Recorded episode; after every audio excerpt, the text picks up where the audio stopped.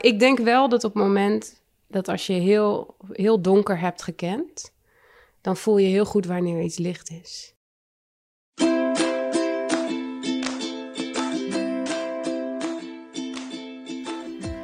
Je luistert naar de Niet Zo Perfecte podcast.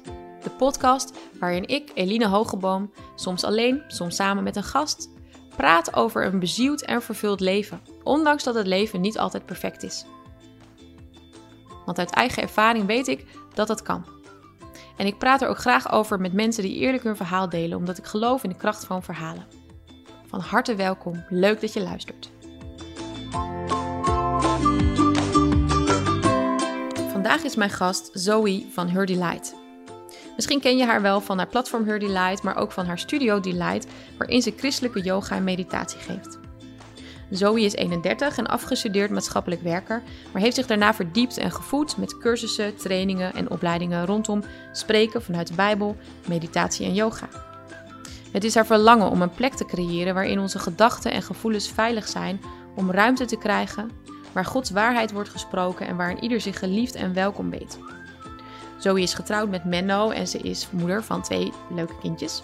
En ik ken Zoe inmiddels al een tijdje als een heerlijke, chaotische, maar heel erg oprechte en echte vrouw. Die ook heel erg deelt over haar journey, zoals ze het zelf noemt, over haar struggles. En ik vind haar daarin, ook een beetje in ja, het verleden wat we soms herkennen bij elkaar. Maar ik vind haar vooral in haar oprechtheid en haar eerlijkheid. En in deze podcast wil ik haar verhaal horen over ja, haar, haar journey, zoals het zegt maar ook over het proces waarin ze momenteel zit.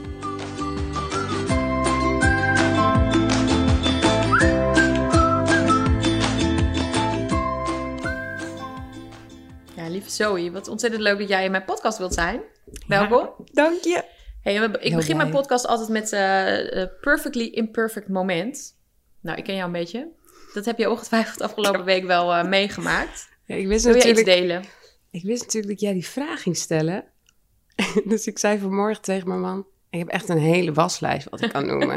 Want ik dacht: waarin ben ik nou niet perfect? Nou, um, ik heb drie dagen achter elkaar een soort van fastfood gegeten deze week. Want het was heel warm weer en het lukte niet. Ja, en toen was het als- alweer kwart over zes. Dacht Ja. ik: Oh, moet ik nou Wat weer nu? doen? Want ik ken jou als een redelijk verantwoorde eter, inderdaad, met Pieter Pot, potten, pannen. Ja, maar het gaat meer over zero waste. Ja, oké. Ja, en we, ik, ik, ik een soort van zeg wel dat ik vegan eet, maar één van die drie keer was niet vegan. Hmm. Ja, En vind je dat dan eh, erg? Nou, ja, moet ik wel even, vind ik ingewikkeld met mezelf. Ja. ja. Ik vind sowieso niet perfect zijn ingewikkeld. Ja. Daarom ben ik denk ik ook te gast. Ah ja. ja. Want ik heb jou natuurlijk geïntroduceerd als iemand die misschien soms wat chaotisch is. Maar vooral, ik hou echt van jouw echtheid en eerlijkheid. Maar ik ben benieuwd, van hoe hoog ligt dan jouw lat? Ligt die heel hoog? Heel hoog. Op alle gebieden? Nou, weet je wat een beetje het ding is? Maar let's, gaan we dan meteen dive Ja, gaan, right in? gaan we meteen, nee, laten we nog even verder met je lijstje gaan. Ja. We gaan verder, we gaan straks deze vraag doen, we onthouden. Maar je Hou lijstje. vast. Ja, oké. nou, mijn lijstje. Dus eh, op eten ging ik niet helemaal eh, perfect. Mhm. Ehm, ik werd ook een beetje boos gisteren tegen mijn kinderen. Toen heb ik mijn stem verheven. Mhm. Nou is het klaar! zeg maar, die, die kwam tevoorschijn. Ja. Ehm, wat heb ik nou nog meer? Oh, ik wist er net het allemaal nog. Ja, heel veel. Ja. Ik Maar- denk maar gewoon de hele eerlijk dag... gezegd is toch oh, gewoon leven, wat jij doet dan? Ja, hè? Toch? Dit zijn toch Ja. niet hele erge dat je denkt... uh. Nee, maar ik heb volgens mij ook niet heel erg mensen schade. Nee, precies. Maar, maar wat ik in hoor, je hebt voor jezelf bepaalde dingen die je graag weet. Misschien ook die zijn goed voor mij. Dus gezond eten. Ik wil graag zo met mijn kinderen omgaan. Ja. En naar jouw idee heb je daar dan eigenlijk in gefaald deze week. Ja, ja, dat is het denk ik. Dus als ik nadenk over waar was ik niet perfect, dan gaat het over waar heb ik gefaald van mijn eigen standaard. Ja, Van die lat. ja. Ik denk dat dat het is. ja precies. Ja. Dat is precies ook denk ik waarom we het moeilijk vinden. Hè? Omdat er een lat is en wij denken, help, ik ga hier onderdoor. Ja. Dat, dat wilde ik eigenlijk niet of zo. Ja, en de vraag is natuurlijk ook van wie is die lat? Maar Precies. ja, heel vaak eh, denken we daar niet eens over na. Nee. En lig je in je bed vooral te balen. Ja. Ah, dit ging niet zoals ik wilde. Oh, dat ging zo. Ja. Ja. Hey, thanks for sharing. Dan gaan we door naar, eh, naar het gesprek. Want ehm, nou, ik volg jou en dan zie ik dus dingen voor jou. En eh, volgens mij zit jij momenteel in een ja, in een soort proces noemde ik het tegen jou. Jij zei zelf, wat bedoel je nou precies, Eline, met dat proces? Nou, ik, ik ga gewoon even wat dingen voorlezen die ik tegenkwam in jouw stories of in een post, volgens mij ook in je nieuwsbrief.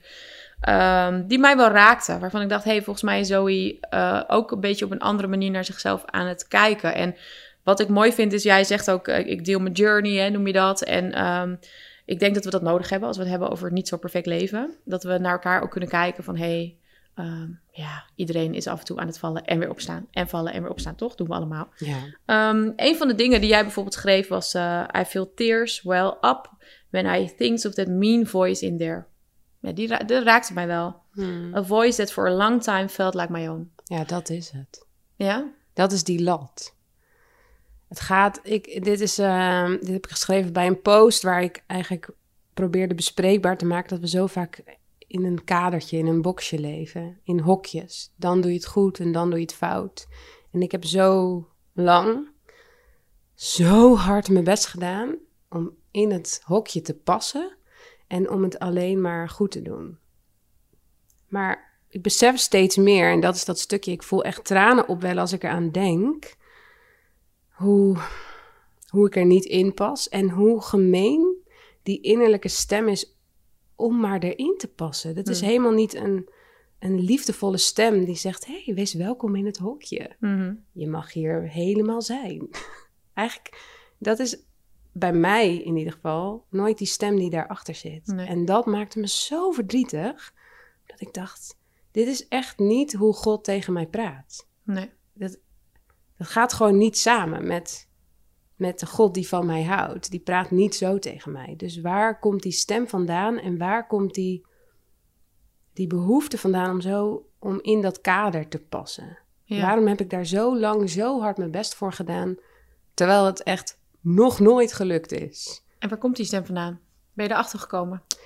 Ja, ik moest vanmorgen denken aan. Ehm, ik wist natuurlijk dat ik naar jou toe ging en ik, even een plaatje erbij. Ik stond onder de douche en ik zei: Heer, wat moet ik nou zeggen? Want het voelt vaak zo, ja, een proces. En je zegt het net ook. Daarom heb ik een beetje, noem ik het journey. Dat is het hipste woord voor proces. Want klinkt het weer leuk. Klinkt het wat mooier. maar oké, het is wel een heel proces. Want je gaat in, door heel veel lagen van jezelf zoeken als je hiermee aan de slag gaat. En toen zei, toen zei, eigenlijk moest ik ineens denken aan de zin toen ik het aan God vroeg van... Uh, the beauty is in the eye of the beholder. Heb je wel eens gehoord, denk ik. Mm Weet je, mhm. als schoonheid zit in degene die het wil zien. En toen zei God eigenlijk maar: perfection is also in the eye of the beholder. Perfectie gaat over dat iemand anders van buitenaf naar jou kijkt en eigenlijk checkt of jij in het kader past. Want er zijn dus regels, er is dus een frame, het is dus meetbaar, er is goed en fout. En dat betekent dus dat ik de, de lat laat bepalen door een ander. Ja. Maar ja, zoveel mensen, zoveel wensen. Ja. Dus die lat die komt alleen maar hoger. Dus waar is die bij mij ontstaan? Geen idee. Weet je, ik ben gewoon een mens die in deze wereld leeft. Die is opgevoed in een bepaald gezin. Die is opgegroeid in een bepaalde kerk. Op een bepaalde school. Met bepaalde vrienden. En al die. En maar hoe ouder je wordt, hoe meer groepen je bent tegengekomen waaraan je weer andere regels hebt. Ja. En eigenlijk blijf je dan elke keer aanpassen tot je, dat je op een gegeven moment denkt, ja, maar kan ik mijn eigen regels alsjeblieft bepalen? Want als ik weer een nieuwe groep tegenkom of weer een nieuw iets, dan ga, moet ik blijkbaar me weer gaan aanpassen. Het wordt echt een crime van binnen. Ja. En ook, maar dat is natuurlijk ook, eh, dat zien we misschien ook wel heel mooi in die golven van social media. Weet je, in het begin, um, ik denk dat Her Delight, mijn platform, ongeveer gelijk online kwam met jouw boek van hashtag not so perfect. Mhm. Omdat wij voelden, denk ik allebei, ik kan niet leven in deze gepolijste, alles uh, prodent smile wereld. Ja. Want het klopt gewoon niet. Het, is, het klopt niet. Het is niet eerlijk of zo. Ik kan dat niet vereenzelvigen. Nee. Maar komt dat ook omdat jij, hè, jij noemt net wel van, ik ben opgevoed ergens in, ik kom ergens uit. Je komt natuurlijk uit best een uh, ja, gebroken gezin, kun je het zo noemen. Ja, dat, dat denk ik ook dat ik ergens herken, ook in jou. En je, je hebt natuurlijk vanaf jongs af aan, denk ik, ook de gebrokenheid gezien. Je, je hebt een burn-out gehad, je hebt meer, weet je, Um, ja. Is dat ook niet ergens? Dat je daarom ook soms denkt, als je dan in zo'n wereld bent, dus zo'n gepolijste wereld, dat het dan gaat wringen. Dat je dan denkt, ja, maar uh, hier kan ik ook ergens niet in. Is dat ook niet je soort willen uitbarsten in, uit de hokjes? Oh, is een leuke vraag. Nou, ik heb het nog nooit zo bekeken. Nee, ik heb altijd gedacht dat ik daarom zo graag gepolijst wil zijn. Mhm. Omdat wat het kader, de leugen van het kader is: hier ben je veilig. Dat is de leugen. Ja. En daarom doen we zo hard ons best om erin te passen. Mhm. In het kader ben je goed. Eigenlijk in het kader doe je het goed. Dus ben je goed. Dus ben je veilig.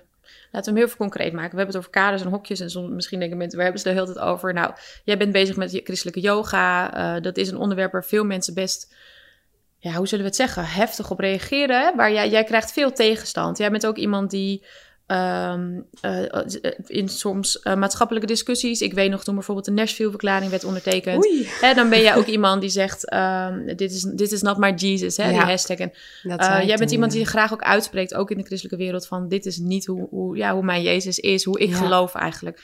Ehm, nou, dan in de, in de christelijke yoga-wereld is dat ook volgens mij best. Hè, dat is iets wat heel veel discussie opwerpt. Dus Ja. als je het hebt dus over hokjes, vakjes, ehm, even voor, voor de luisteraars, dat is denk ik een beetje de duiding waar jij je in beweegt. Ja, Ehm, je, hebt, je hebt een controversieel onderwerp te pakken, blijkbaar, waar jij je mee bezighoudt. ja, Hoe dat is komt waar. dat, denk je? Ik denk dat het komt omdat andere mensen aan mij vertelden dat het niet mocht, of kon, of klopte. Of, Ehm, ik denk eigenlijk dat het zo komt dat ik het vaak bespreekbaar heb gemaakt. Omdat ik me heel vaak benauwd heb gevoeld, of afgewezen heb gevoeld, of veroordeeld. Of, ja.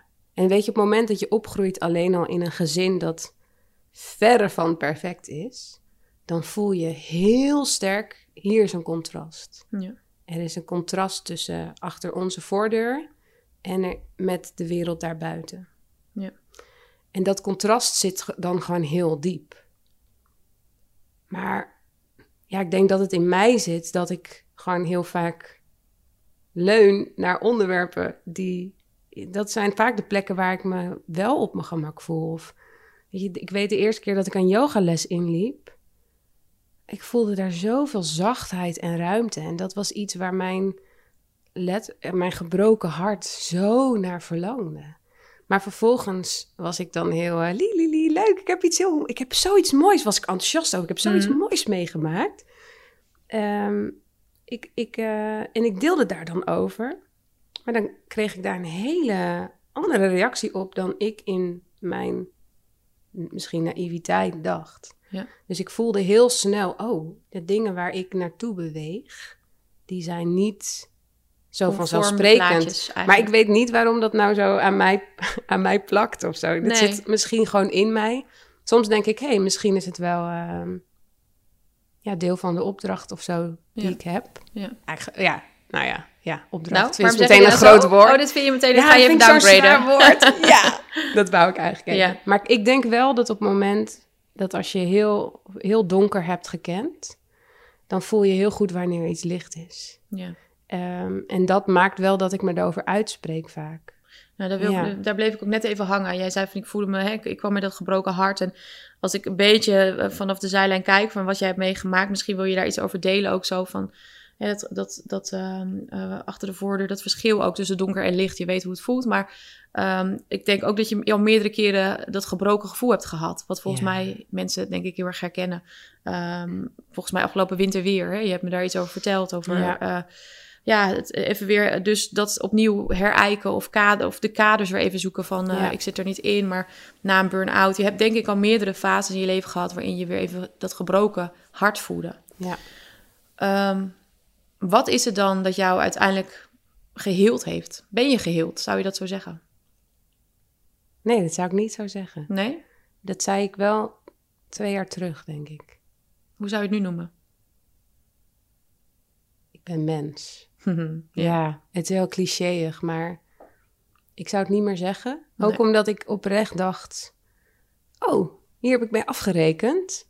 Maar op het moment dat je leven onrustig wordt, of er storm komt, of eh, goede en, en slechte tijden maken we allemaal mee. Dat is inherent aan leven hier. Dat bedoel ik met ik ben mens.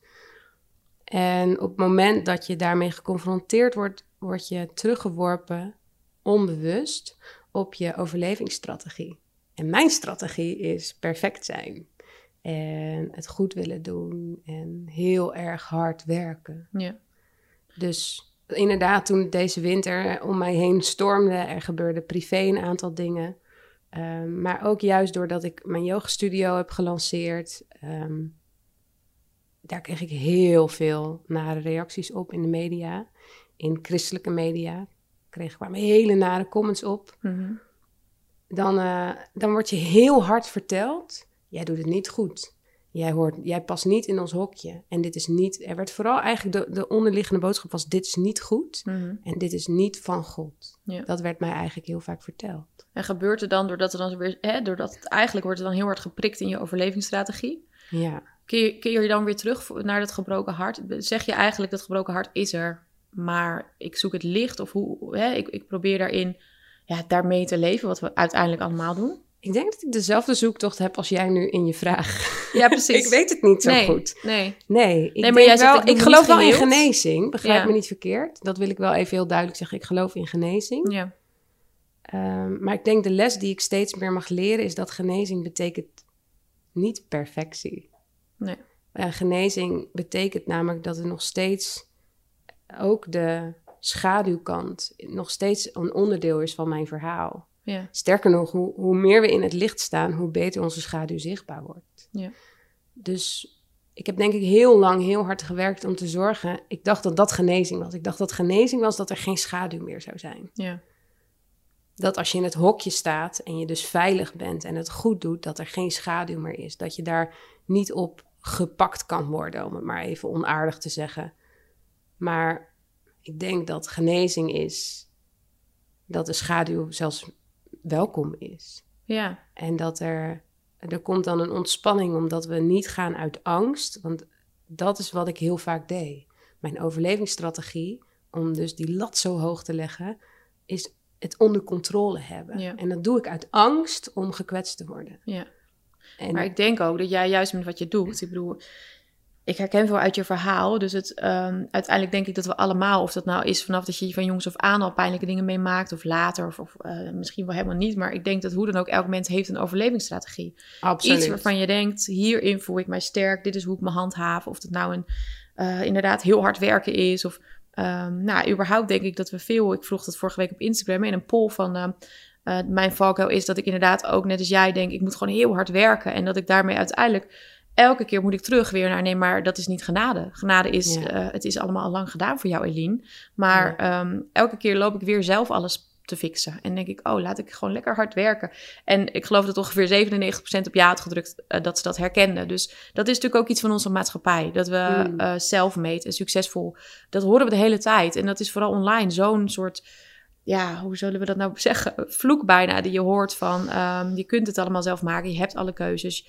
Ehm, dus het is misschien niet alleen een overlevingsstrategie, maar ook wel gewoon iets van onze generatie of van onze maatschappij, waarvan wij denken, ja, maar ik moet hard werken, ik moet dit doen. En ik denk, ehm, de enige manier om eh die overlevingsstrategie af en toe eens van ons af te leggen, is door af en toe stil te staan. En door niet maar te blijven doorrennen en in het harde werk te blijven, maar door, dat heb jij mij, dat mooie woord heb jij mij ooit geleerd in een podcast waar ik bij jou in zat, naar je binnenwereld eh, te keren. Ja. Hè? Dat verschil tussen die buitenwereld die, die van alles van je vraagt, ehm, en dan terug te keren naar je binnenwereld. En daar ehm, ja, naar jezelf op zoek te gaan, maar eerlijk gezegd nog veel meer natuurlijk naar God op zoek te gaan. Hmm. Hè, want dat is natuurlijk ook een valkuil dat je dan alleen maar met jezelf bezig blijft. Ehm, want daar in jou, daar zit God. Dat geloof ik. En volgens mij geloof jij dat ook. En Absoluut. dat is hè, waar, waar jij volgens mij ook ehm, je missie van hebt gemaakt. Om mensen daarheen te begeleiden. Naar dat weer verbinden met jezelf. Want ik, dat is denk ik hè, wat jij zegt over ja, je leeft met dat, dat gebroken hart, met licht en donker naast elkaar. Dat is leven. Ja, De enige manier. maar dat is ik- rauw hoor. Dat is heel rauw. Pijnlijk om te, om Ja. te omarmen. Ja, hè? Ja. Maar ik denk dat dat dus de weg is naar een soort van eh, happy, not perfect. ja. Want dan is er namelijk genade en liefde. Ja, Ja. maar ik vind het heel mooi dat jij dit erkent. Want ik denk dat we dit heel vaak nog niet erkennen. Vorige week zei nog een vrouw tegen mij, die, die ongeveer een beetje dezelfde achtergrond heeft als ik qua eh, trauma. Toen zei ze, ja, maar bij jou zie ik, heb- jij hebt er volgens mij maar geen last van. En dan hang ik op en dan ben ik, van de telefoon bedoel ik, en dan ben ik helemaal eh, verdrietig. Hmm. Want dan voel ik me echt zo niet gezien. En dat hoeft ook niet per se door haar hoor, dat kan, maar dan denk ik, denk je echt, denk je echt dat ik mijn struggle niet heb dan? Ja, en ik denk dus eh, dat het zo benoemen en erkennen, Ja. ehm, dat is zo belangrijk. ook juist om als vrouwen ook dus naar elkaar het te zien. Hè, van ja, maar natuurlijk heeft zij haar eigen struggle. Maar Ja.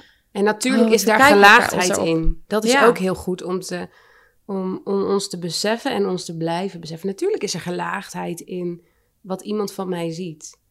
Iemand zei ooit tegen mij: Zoiets buitenste laag is extrovert, zoiets binnenste laag is introvert. Dus hoe, hoe meer je mij leert kennen, hoe dichter bij je mag komen, hoe minder ik praat en grapjes maak en aanwezig ben. Mhm. ja, Dus het is, maar dat is dus oké. dat is ook heel natuurlijk, toch? Ja, je hoeft dus- niet aan iedereen je Dus die kanttekening wil ik er ook bij Ja, zetten. zeker. Van, en natuurlijk is het heel erg goed en ik denk zelfs belangrijk dat wij op de bres staan, zeker in social media land, in, op Insta, om meer te laten zien van, hé, hey, eh, hallo, dit is het echte leven. Ja. Maar het is ook oké dat dat niet tot de kern gaat. Nee, en het is Ja. ook oké dat jij die Zoe ook bent, met ook de grapjes. En Ja. eh, hè, dat is niet alleen maar een soort harnas of een soort... eh, Maar dat kan het is wel heel je erg bent. zijn. Ja, precies. Je kunt het alleen. Dat kan ook weer een overlevingsstrategie worden. Precies. En maar dat, dat, is is wel Je mooi. bent ook een mens. Je bent een complex wezen. Nou ja, en, precies. Ja, Nou, en ik denk dat dat, dat maakt het verschil tussen die binnen- en die buitenwereld. Want de vraag is niet, heb ik een leuk grapje gemaakt? En, eh, maar de vraag is, waarom heb ik een grapje gemaakt? precies. Ja. En dat is denk ik ook waarom ik zo gepassioneerd ben om, voor mijn studio. Omdat ik heel graag wil uitdelen wat God mij leert. En wat hij me nog steeds leert Mhm. dat namelijk op het moment dat we vertragen en we even uitzoomen, dan, dan laten we dus die buitenwereld los. Dan komen er, er komt er meer ruimte in onszelf, in die binnenwereld. En in die binnenwereld, we zeggen altijd zo mooi christelijk van, eh, leren we ook kinderen toch? Jezus woont in je hart. Mhm. Oké, maar dan heb ik dus wel een manier nodig om daar dichterbij te komen. Ja. En even die buitenwereld los te laten, zodat ik me af kan stemmen op, op Jezus, op God, op Gods geest die in mij woont. Oké, dat klinkt zo mooi. Vervuld leven. Maar dat begint dus met van binnenuit naar buiten toe. Ja. En dat is denk ik ook waarom ik steeds makkelijker kan zeggen: ik pas niet in het hokje, het lukt niet, omdat ik ben begonnen binnenuit en niet buitenaf. ja. Dus die beweging en dat verschil daarin, ik denk daarin heb ik echt zulke grote lessen van God mogen leren over wat, wat liefde, wat agape liefde is ja. en wat genade echt is. En noem eens wat. Wat, wat. wat leert God jou daarover? Nou, dat ik dus de keuze heb en toestemming heb om trouw te zijn aan, aan wie ik daar binnenin vind. Ook al matcht het niet met iedereen Mhm. buiten. Buiten je hokje. Sommige mensen matchen het wel bij. Er zijn Ja. heel veel mensen die wel, eh, met wie ik, zeg maar, die wel snappen of voelen. Niet, het gaat niet per se over snappen. Die voelen waar ik, waar, wat ik bedoel of waar ik mee bezig ben, met wie dat klikt. Ja. Maar het is dus ook oké. En die toestemming, het is oké dat we verschillend erover denken. Of het is oké dat we anders over dingen handelen. Alleen al als je, als je die ruimte kunt inbouwen in Ja. onze wereld. Want wij zijn zo vaak bezig met goed of fout. Ja. En er zit niks tussenin. En ik probeer... Is dat denk je iets typisch christelijk of überhaupt iets van wat mensen doen? Dat weet ik eigenlijk niet. Ik denk wel dat wij als christenen... Wij als christenen... Dat is al een hele rare grote groep, hey, hè? je zit toch nog in een hokje. Wij als christenen... nou ja, ja, precies. Blijkbaar zit ik toch nog in een hokje. Ja. Maar ehm, ik denk wel dat veel christenen denken wel in goed en fout. Ja, maar dat is ook iets wat natuurlijk altijd, tenminste, ja, waar veel naar gezocht wordt. Hè? Wat zegt de Bijbel hierover? Mag ik Nou dit? ja, Mag precies. dat? Dat is dat Dus begint we- al maar in- ook dat is dat eiken. jaren. Ja, Ja, het dus- geeft misschien een soort, soort ook veiligheid. Ik herken dat zelf namelijk ook hoor. Ja. Dat je, ehm, nou, maar dan is het niet zo erg goed fout misschien, maar meer in, ehm, doe ik genoeg? Of weet je zo, Oh, een ja. soort meten. Hè? Ik denk Dat dat iets is wat heel veel christenen ook doen. Ja, Wat ik in ieder geval ook herken, het meten van doe ik het goed genoeg, ben ik hè, zo. Terwijl het Ja. toch zo vaak in de Bijbel eh, wordt gezegd dat er dat, dat, dat over op zo'n manier er geen oordeel zal zijn. ja. Maar toch eh, heel vaak denk ik, nou laat ik voor mezelf spreken, maar zijn we daar nog bang voor? ja. Ja, Nou ja, en dat zit denk ik, is een combinatie van van zeg maar het christendom. Ik bedoel, het christendom begint met eten van de boom van goed en kwaad. Dat is niet helemaal waar. Het Mhm. begint bij de schepping. En namelijk dat wij levensadem krijgen. Ja. Ruach, zijn geest. Daarom hou ik ook zo van meditatie. En die, de beste tool om te vertragen is die adem. En daar begint het. Daar Nou, begint en- ons verhaal bij, met God. Maar op het moment dat, dat het zeg maar opsplitst, is het moment dat wij eten van de boom van goed en kwaad. En we zijn nog steeds heel vaak onbewust van die boom aan het eten. Ja. In plaats van Terwijl dat het niet mocht. Ja, Ja. ja, dus ik probeer voor mezelf, ik probeer mezelf heel erg te trainen in niet zozeer is dit goed of is dit fout. Mhm. Ehm, maar ik zoek wel naar, als ik dus ga, oké, ga, ik- ga ik van binnenuit of van buitenuit? Voor wie ben ik aan het bewegen? Ja. En ik ben heel erg op zoek naar de vraag: beweeg ik uit, doe ik uit liefde en uit vrijheid, genade? ja, precies.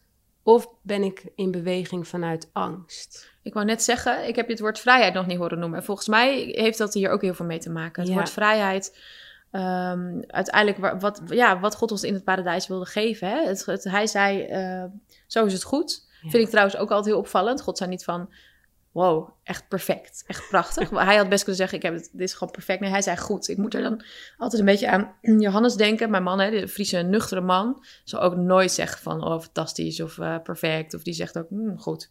En, ehm, maar daar zit heel veel in. Want in Ja. zijn woorden zit heel veel lading. Hè? Als hij dan een compliment geeft, dan is het ook echt zo. En dat vind ik ook altijd gewoon wel heel erg mooi. Dat ik denk, God wilde geen, in die zin, perfecte wereld. Want hij zette er mensen ook in waarvan hij wist, ja, die gaan er, gaat een rommeltje maken. Maar elke keer weer, ook in de Bijbel zie je dat Abraham... en hij geeft elke keer weer mensen een soort het mandaat van... hier, ga het maar weer proberen. En ja. dat vind ik zelf ook heel erg eh, geruststelling. God zet elke keer weer mensen voor hem aan het werk, zoals jij en ik. Ehm, van ga het maar doen. Ga jij maar voor mij dit doen. Maar hij weet dus ook heel goed uit ervaring dat we echt eh, gaan falen. Ja. En, maar daar, hij gebruikt ons toch. En dat vind ik ook gewoon heel prachtig. Om, ehm, kijk, ik gebruik dus wel zulke woorden. Eh, maar heel geruststellend ook. ja. Maar ook echt powerful, want hij geeft ons daar- daarmee ook echt heel veel in handen. En dat vind ik ook bij jou. Dat Ik denk, ja, je mag zoveel, je mag echt hele mooie dingen doen, maar het is ook echt niet niks wat er op je afkomt. Dus ik, eh, ik bedoel, ik, ik weet niet hoe ik me staande zou houden. Hè? Als je zoveel, eh, nou ja, reacties, maar ook gewoon, nou ja, uit je omgeving ook. Hè? Dat, dat lijkt me Ja. echt heel ingewikkeld. Maar tegelijkertijd denk ik, ja, ja, God is met je. Ja, Ja, en dat, wat mooi dat je dat zegt, God is met mij. En op het moment dat je dus daarin wortelt en dat de basis is, dan blijf je dus staan. ja. En natuurlijk voelde ik deze winter, toen ik op social media geroost werd. Voel het zo, echt- ja? Vertel even, wil je concreet vertellen wat er Ja, gebeurde? zeker. Ja, ja. Oké. leuk als je Nou, ik ja. heb dus een christelijke yoga, meditatie, mindfulness studio. En ik heb een YouTube-account waar ik eh, video's maak met christelijke meditaties. En uiteindelijk dus ook eh, een yoga-video waarbij ik dingen Mhm. uitleg. Dus ik maak ook regelmatig video's van... Hey, onderwerp waar ik veel vragen over krijg. Ik heb ook zo'n video over meditatie. Ik heb zo'n video over yoga. Hoe zit het nou? Wat is dit nou? Hoe werkt dit? Want mensen weten heel vaak heel veel niet. En dat maakt het natuurlijk ook heel eng. Dus op het moment dat je wat beter uitgelegd krijgt, dit is het. Hier komt het vandaan. Zo, eh, zo zie ik het en zo ga ik ermee om. Want we willen veilig zijn. En Ja. die behoefte om veilig te willen zijn, om veilig te zijn, niet eens Mhm. te willen, die is, die is heel gezond. Ja. Dus ik maakte een video waarin ik uitlegde, zo kijk ik tegen yoga slash christelijke yoga aan. En een tweede video, dit is wat mij betreft hoe een christelijke yogales eruit ziet. Dus ik maakte die video's, die heb ik online gezet. En ehm eh, EO Beam, die maakte daar een artikel over. Ehm, Dat wist jij niet? Dat wist ik niet. Nee. Nee, dat, eh, dat was een verrassing. Ja.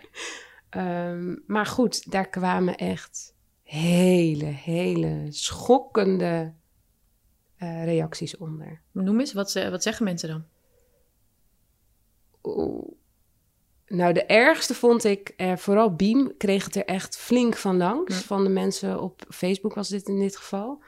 Ehm, en het ergste vond ik dat iemand zei tegen, tegen Beam, omdat zij dus promoten waar ik mee bezig was, of promoten. Nou, ze gaven er aandacht aan. Ze Mhm. zeiden niet eens, dit is vet goed. Nee.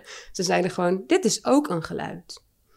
In de discussie rondom yoga. En er werd echt tegen hun ook gezegd: het bloed van deze mensen kleeft aan jullie handen. Wow. En van Ja. deze mensen, dan bedoelen ze jou. De mensen die dus daardoor met yoga en christelijke Oh, zo. yoga zich inlaten. Ja, dus het zegt al. Wat heftig. Ja, het is heel heftig. Ja. Maar er wordt gewoon heel vaak. Ja, is er, een, er is een hele sterke andere overtuiging over. Ja. Ja. En dat, dat, dat mag. Hm. Maar ik vond het vooral wat ik heftiger aan vond. als je het hebt over. gaat dit uit Gods liefde? Of gaat dit uit angst? Ja. Ehm, dan denk ik niet dat iemand die God... Stel, iemand kent God niet. Die zit lekker op het internet te surfen. En die komt dit tegen. Dan denkt hij niet... Zo, dat is een gezellig volkje. Nee, precies. Superleuk, die christenen. Die maken elkaar onderling af, denk ik wil ook bij Jezus horen. Ja. Joepie! Ja. Maar ik vond het zo liefdeloos. En dat, eigenlijk raakte dat me het meest. Dat heel veel van de reacties was zo liefdeloos. En het was... Er was zoveel angst. Ja. En in eerste instantie was ik ontzettend gekwetst. Mhm. En ik was echt wel een beetje verslagen. Ik zat echt naar mijn laptop te kijken. En het bleef ook maar binnenstromen. Ja. Volgens mij hebben echt meer dan 700 mensen Oh, bizar. onder gecomment. Ja. Ja, een vriend van ons, die hebben de hele Beam-pagina afgescrolld. Oh, serieus? Die zeiden, Zoe, je post heeft de meeste comments ooit. En daar was je heel blij mee? Nou ja, uiteindelijk zei Menno, mijn man, die zei... Want Beam post ook regelmatig bijvoorbeeld iets over een thema als homoseksualiteit. Toen zei hij, nou schatje, dat je dan tegenwoordig in de kerk... nog beter homo dan yogajuf kan zijn. Nou, Dat is eigenlijk vooruitgang. inderdaad. Ze zijn wat hokjes opgeschoven. Daar moest ik heel hard om lachen. Wat heerlijk. Dus we zoeken ook wel een beetje dan de humor erin. Ja. Maar in eerste instantie was ik ja. verdoofd. Keek ik Ja. daarnaar en dacht ik... Wat, ik dacht echt, wat gebeurt hier? Ja. Ehm, en toen... Dus ik keerde naar binnen. En ik zei, oké, even uitzoomen van deze ruis, van de buitenwereld. Ja. Oké, practice what you preach. Mhm. Oké, heer, wat moet ik hiermee? Dus ik ging in gebed van binnen. En.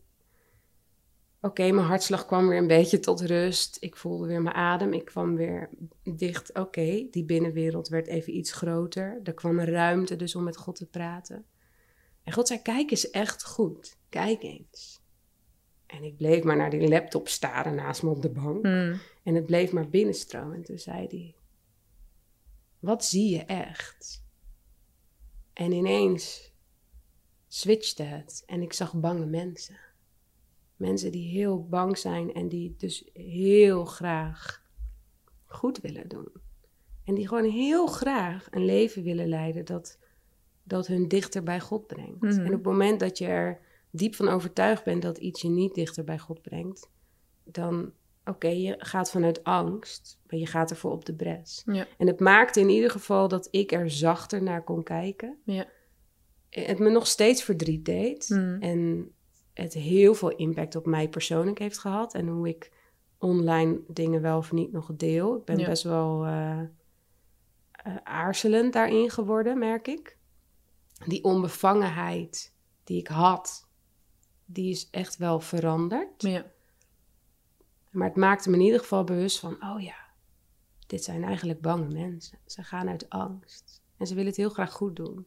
Maar als, als we dan toch denk, praten over God en Satan, goed en kwaad, Mhm. licht en duister.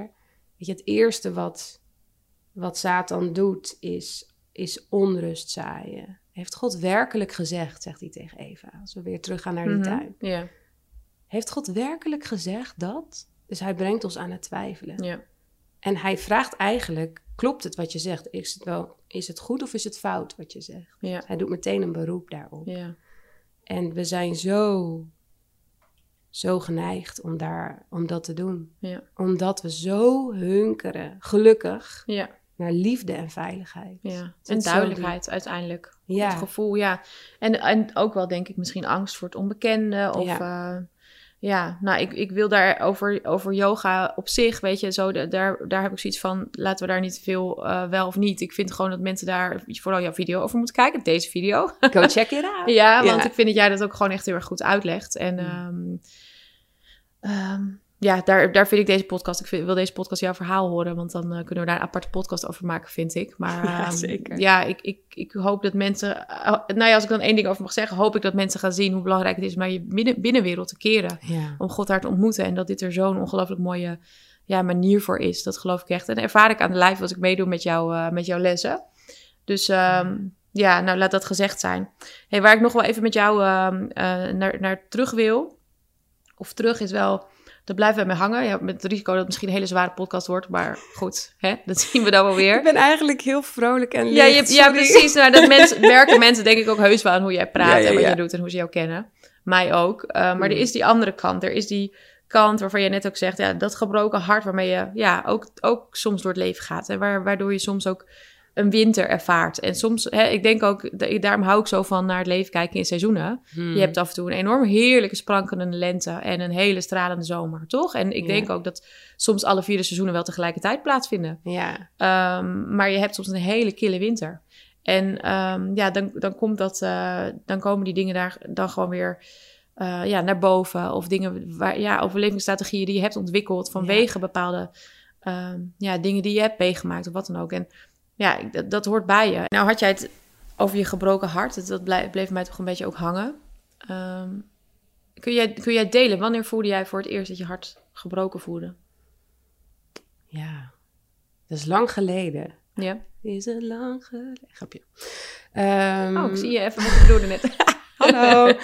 Nee, de, ehm, ik was 18, denk ik. Toen was ik al een tijdje uit huis. En toen ging ik voor het eerst naar Thésée in Frankrijk. Voor mensen die het niet kennen, het is een hele grote eh ecumenische leefgemeenschap van broeders voornamelijk en ook een deel zusters. En ik ging daarheen en op zaterdagavond heb je daar de lichtjesdienst. Eh, wat betekent, in Thésée is een hele grote open ruimte als kerk. Iedereen zit laag op de grond. Er is wel een soort podium, maar daar staat niemand op. Is het binnen of buiten? Het Ik is altijd binnen. veel- Oké, Ja. ja. het is eigenlijk ook zo'n hele traditionele vormige kruiskerk. Ja. Ehm, en die zat echt afgeladen die Hmm. avond. En wat gebeurt er? Iedereen die de kerk binnenkomt bij het avondgebed, zijn drie keer per dag is er dan een gebed, een soort dienst, kreeg zo'n heel mooi dun lang kaarsje. En op een gegeven ogenblik stapt zeg maar de hoofdbroeder, die stapt dan naar voren naar de Christuskaars, want die staat wel vooraan op dat podium. En die ontsteekt zijn kleine kaarsje zeg maar in de Christuskaars. En zijn eigenlijk altijd wel wat kindjes ook. En die liepen met hem mee. Die hebben ook zo'n kaarsje. En die kaarsjes steken elkaar aan. De kindjes lopen naar het middendeel waar de broeders altijd zitten. Dat is een soort kern eigenlijk. Hele mooie symboliek. Die steken de kaarsjes van de broeders aan. En de broeders geven het licht door naar de rijen naast hun. De massa. En iedereen geeft dus met zijn kaarsje dat licht door. En uiteindelijk is er een ruimte opgelicht met, ik denk op dat moment wel twee of drieduizend mensen met een kaarsje in hun hand. Wat mooi. Prachtig. Nou, als je het over schoonheid hebt, ja, ik, vind, ik vond het heel ontroerend, maar op dat moment was mijn hart zo donker. Hmm. En ik hikte op dat moment tegen een burn-out aan van jaren survivalen. Ik was inmiddels denk ik anderhalf jaar, twee jaar uit huis. Twee jaar denk ik al wel. Ik stond soort van op mijn eigen benen, maar ik voelde me eigenlijk een soort Bambi in de grote mensenwereld. En al dat licht liet zien hoe donker het in mij was. Mm. En in één klap knalde dat licht mijn gebroken hart in. Nou, ik heb gehuild. Het was echt. It was an ugly cry, Mhm. zeg maar. It was not pretty. Als we Mhm. het over schoonheid hebben. dat was. Maar het was zo'n bizarre realiteitscheck. Ik kreeg zo inzichtelijk hoeveel pijn en verdriet er zichtbaar werd door letterlijk Gods licht. En het was in de meivakantie en ik ging terug naar huis. En ik kon vanaf dat moment niet meer, ik kon niet meer mijn, mijn harnas oppakken. Het lukte niet meer. Ik kon niet meer binnen en buiten, waar we het al natuurlijk zo mooi over hadden. Ik kon het niet meer vereenzelvigen. Het, het, het ging niet meer. Nee. En dat conflict, ik denk dat dat het geschenk is van pijn en verdriet. Dat we in conflict komen met wat we binnen voelen en wat we van buiten zien of moeten zien of denken te moeten zien. Nou ja, En waarom noem je dat een geschenk? omdat het je dwingt uiteindelijk om naar binnen toe te keren. Ja. Want verdriet gaat nooit vanzelf weg. En die uitnodiging aangaan, bereid zijn om je pijn en verdriet ergens zelfs te leren verdragen, Mhm. omarmen dat, dat er, hoe feller het licht, hoe meer schaduw zichtbaar wordt Mhm. dat was voor mij mijn redding, denk ik zelfs. Want het maakte dat ik mocht leren en ontdekken wie ik ben.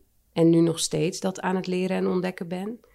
En zelfs dat dat door de jaren heen weer verandert. En in elk seizoen Mhm. dat weer anders is. Ja.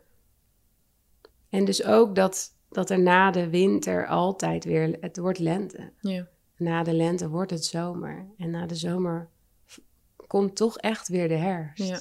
En die cyclussen omarmen, dat heeft het mij heel erg geleerd. Ja.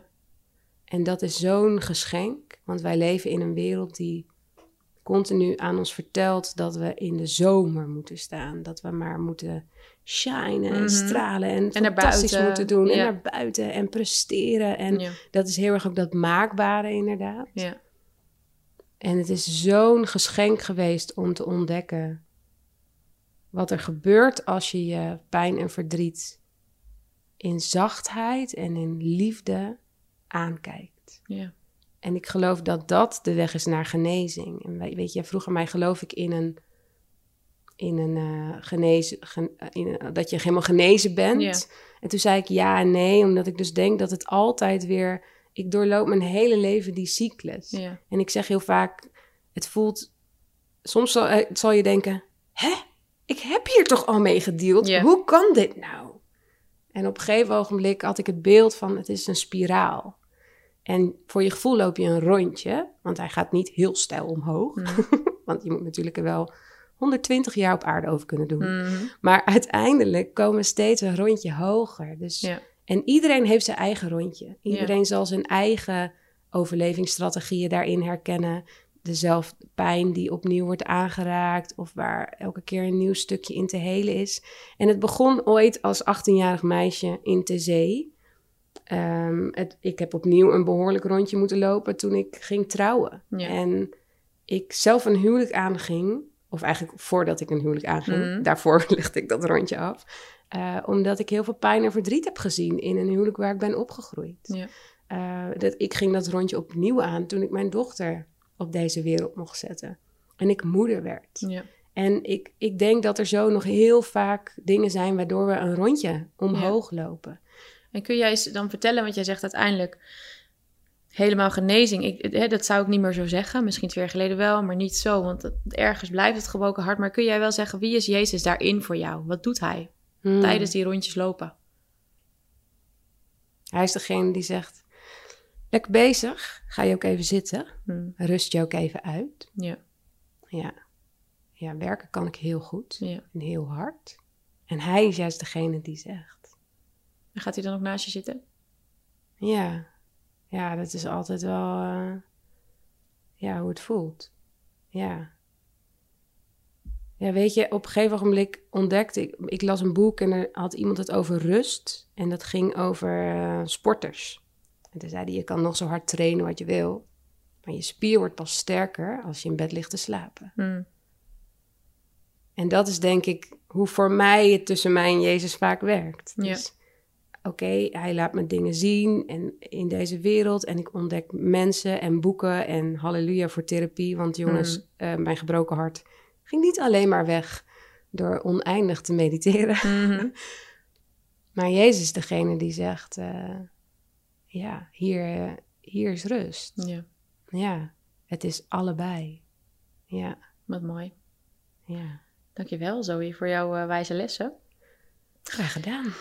Ik wil deze podcast afsluiten met jou te vragen in het kort gewoon iets, om het ook nog een beetje praktisch af te sluiten. Wat heeft jou nou echt geholpen om, ehm, ja, om, het, om leven te leven? Ik zeg het maar even, het niet zo perfecte leven te leven. Wat is daarin een goed advies geweest? Een goed, ja, een goed motto? Wat helpt er daarin? Schoonheid. Ik geloof dat schoonheid maakt dat God zichtbaar is. En dat we in schoonheid, dat ziet iedereen iets anders. En dan gaan we eigenlijk weer naar het begin. Beauty is in the eye of the beholder. Alleen jouw ogen kunnen het je laten zien. Of alleen jouw huid kan het je laten voelen. Of wat het ook is voor jou, waardoor je het ervaart. En er is een heel mooi quote, maar ik weet even niet meer wie die is, maar die zegt: Beauty will save the world. En ik geloof echt dat God zichtbaar wordt door schoonheid. Dus op onze wc hangt een bord waarop ik heb geschreven: Stop, haal adem, geniet omdat ik zo vaak God dat tegen mij hoor zeggen. Stop. Midden in je chaos, midden in je stress. Stop. Maar ook het genieten. Dat vind ik ook heel adem. mooi aan. Ja. Ja. Oké, want ademhalen creëert die ruimte. Mhm. Oké, mijn binnenwereld wordt even groter. Ja. Geniet. Ja, heerlijk. Ja. ja. Wat mooi. Dankjewel Zoe voor het delen van alles. Thanks. Graag gedaan.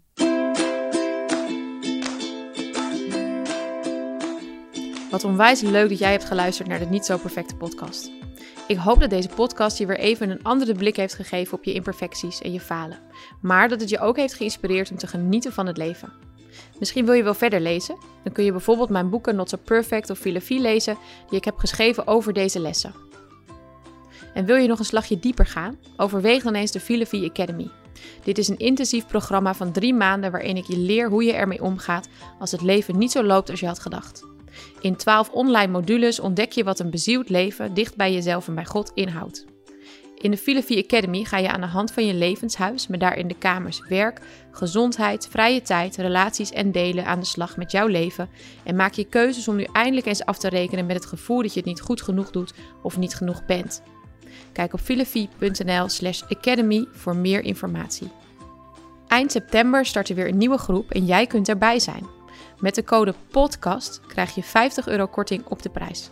Ga hiervoor ook naar filofie.nl slash academy en meld je aan.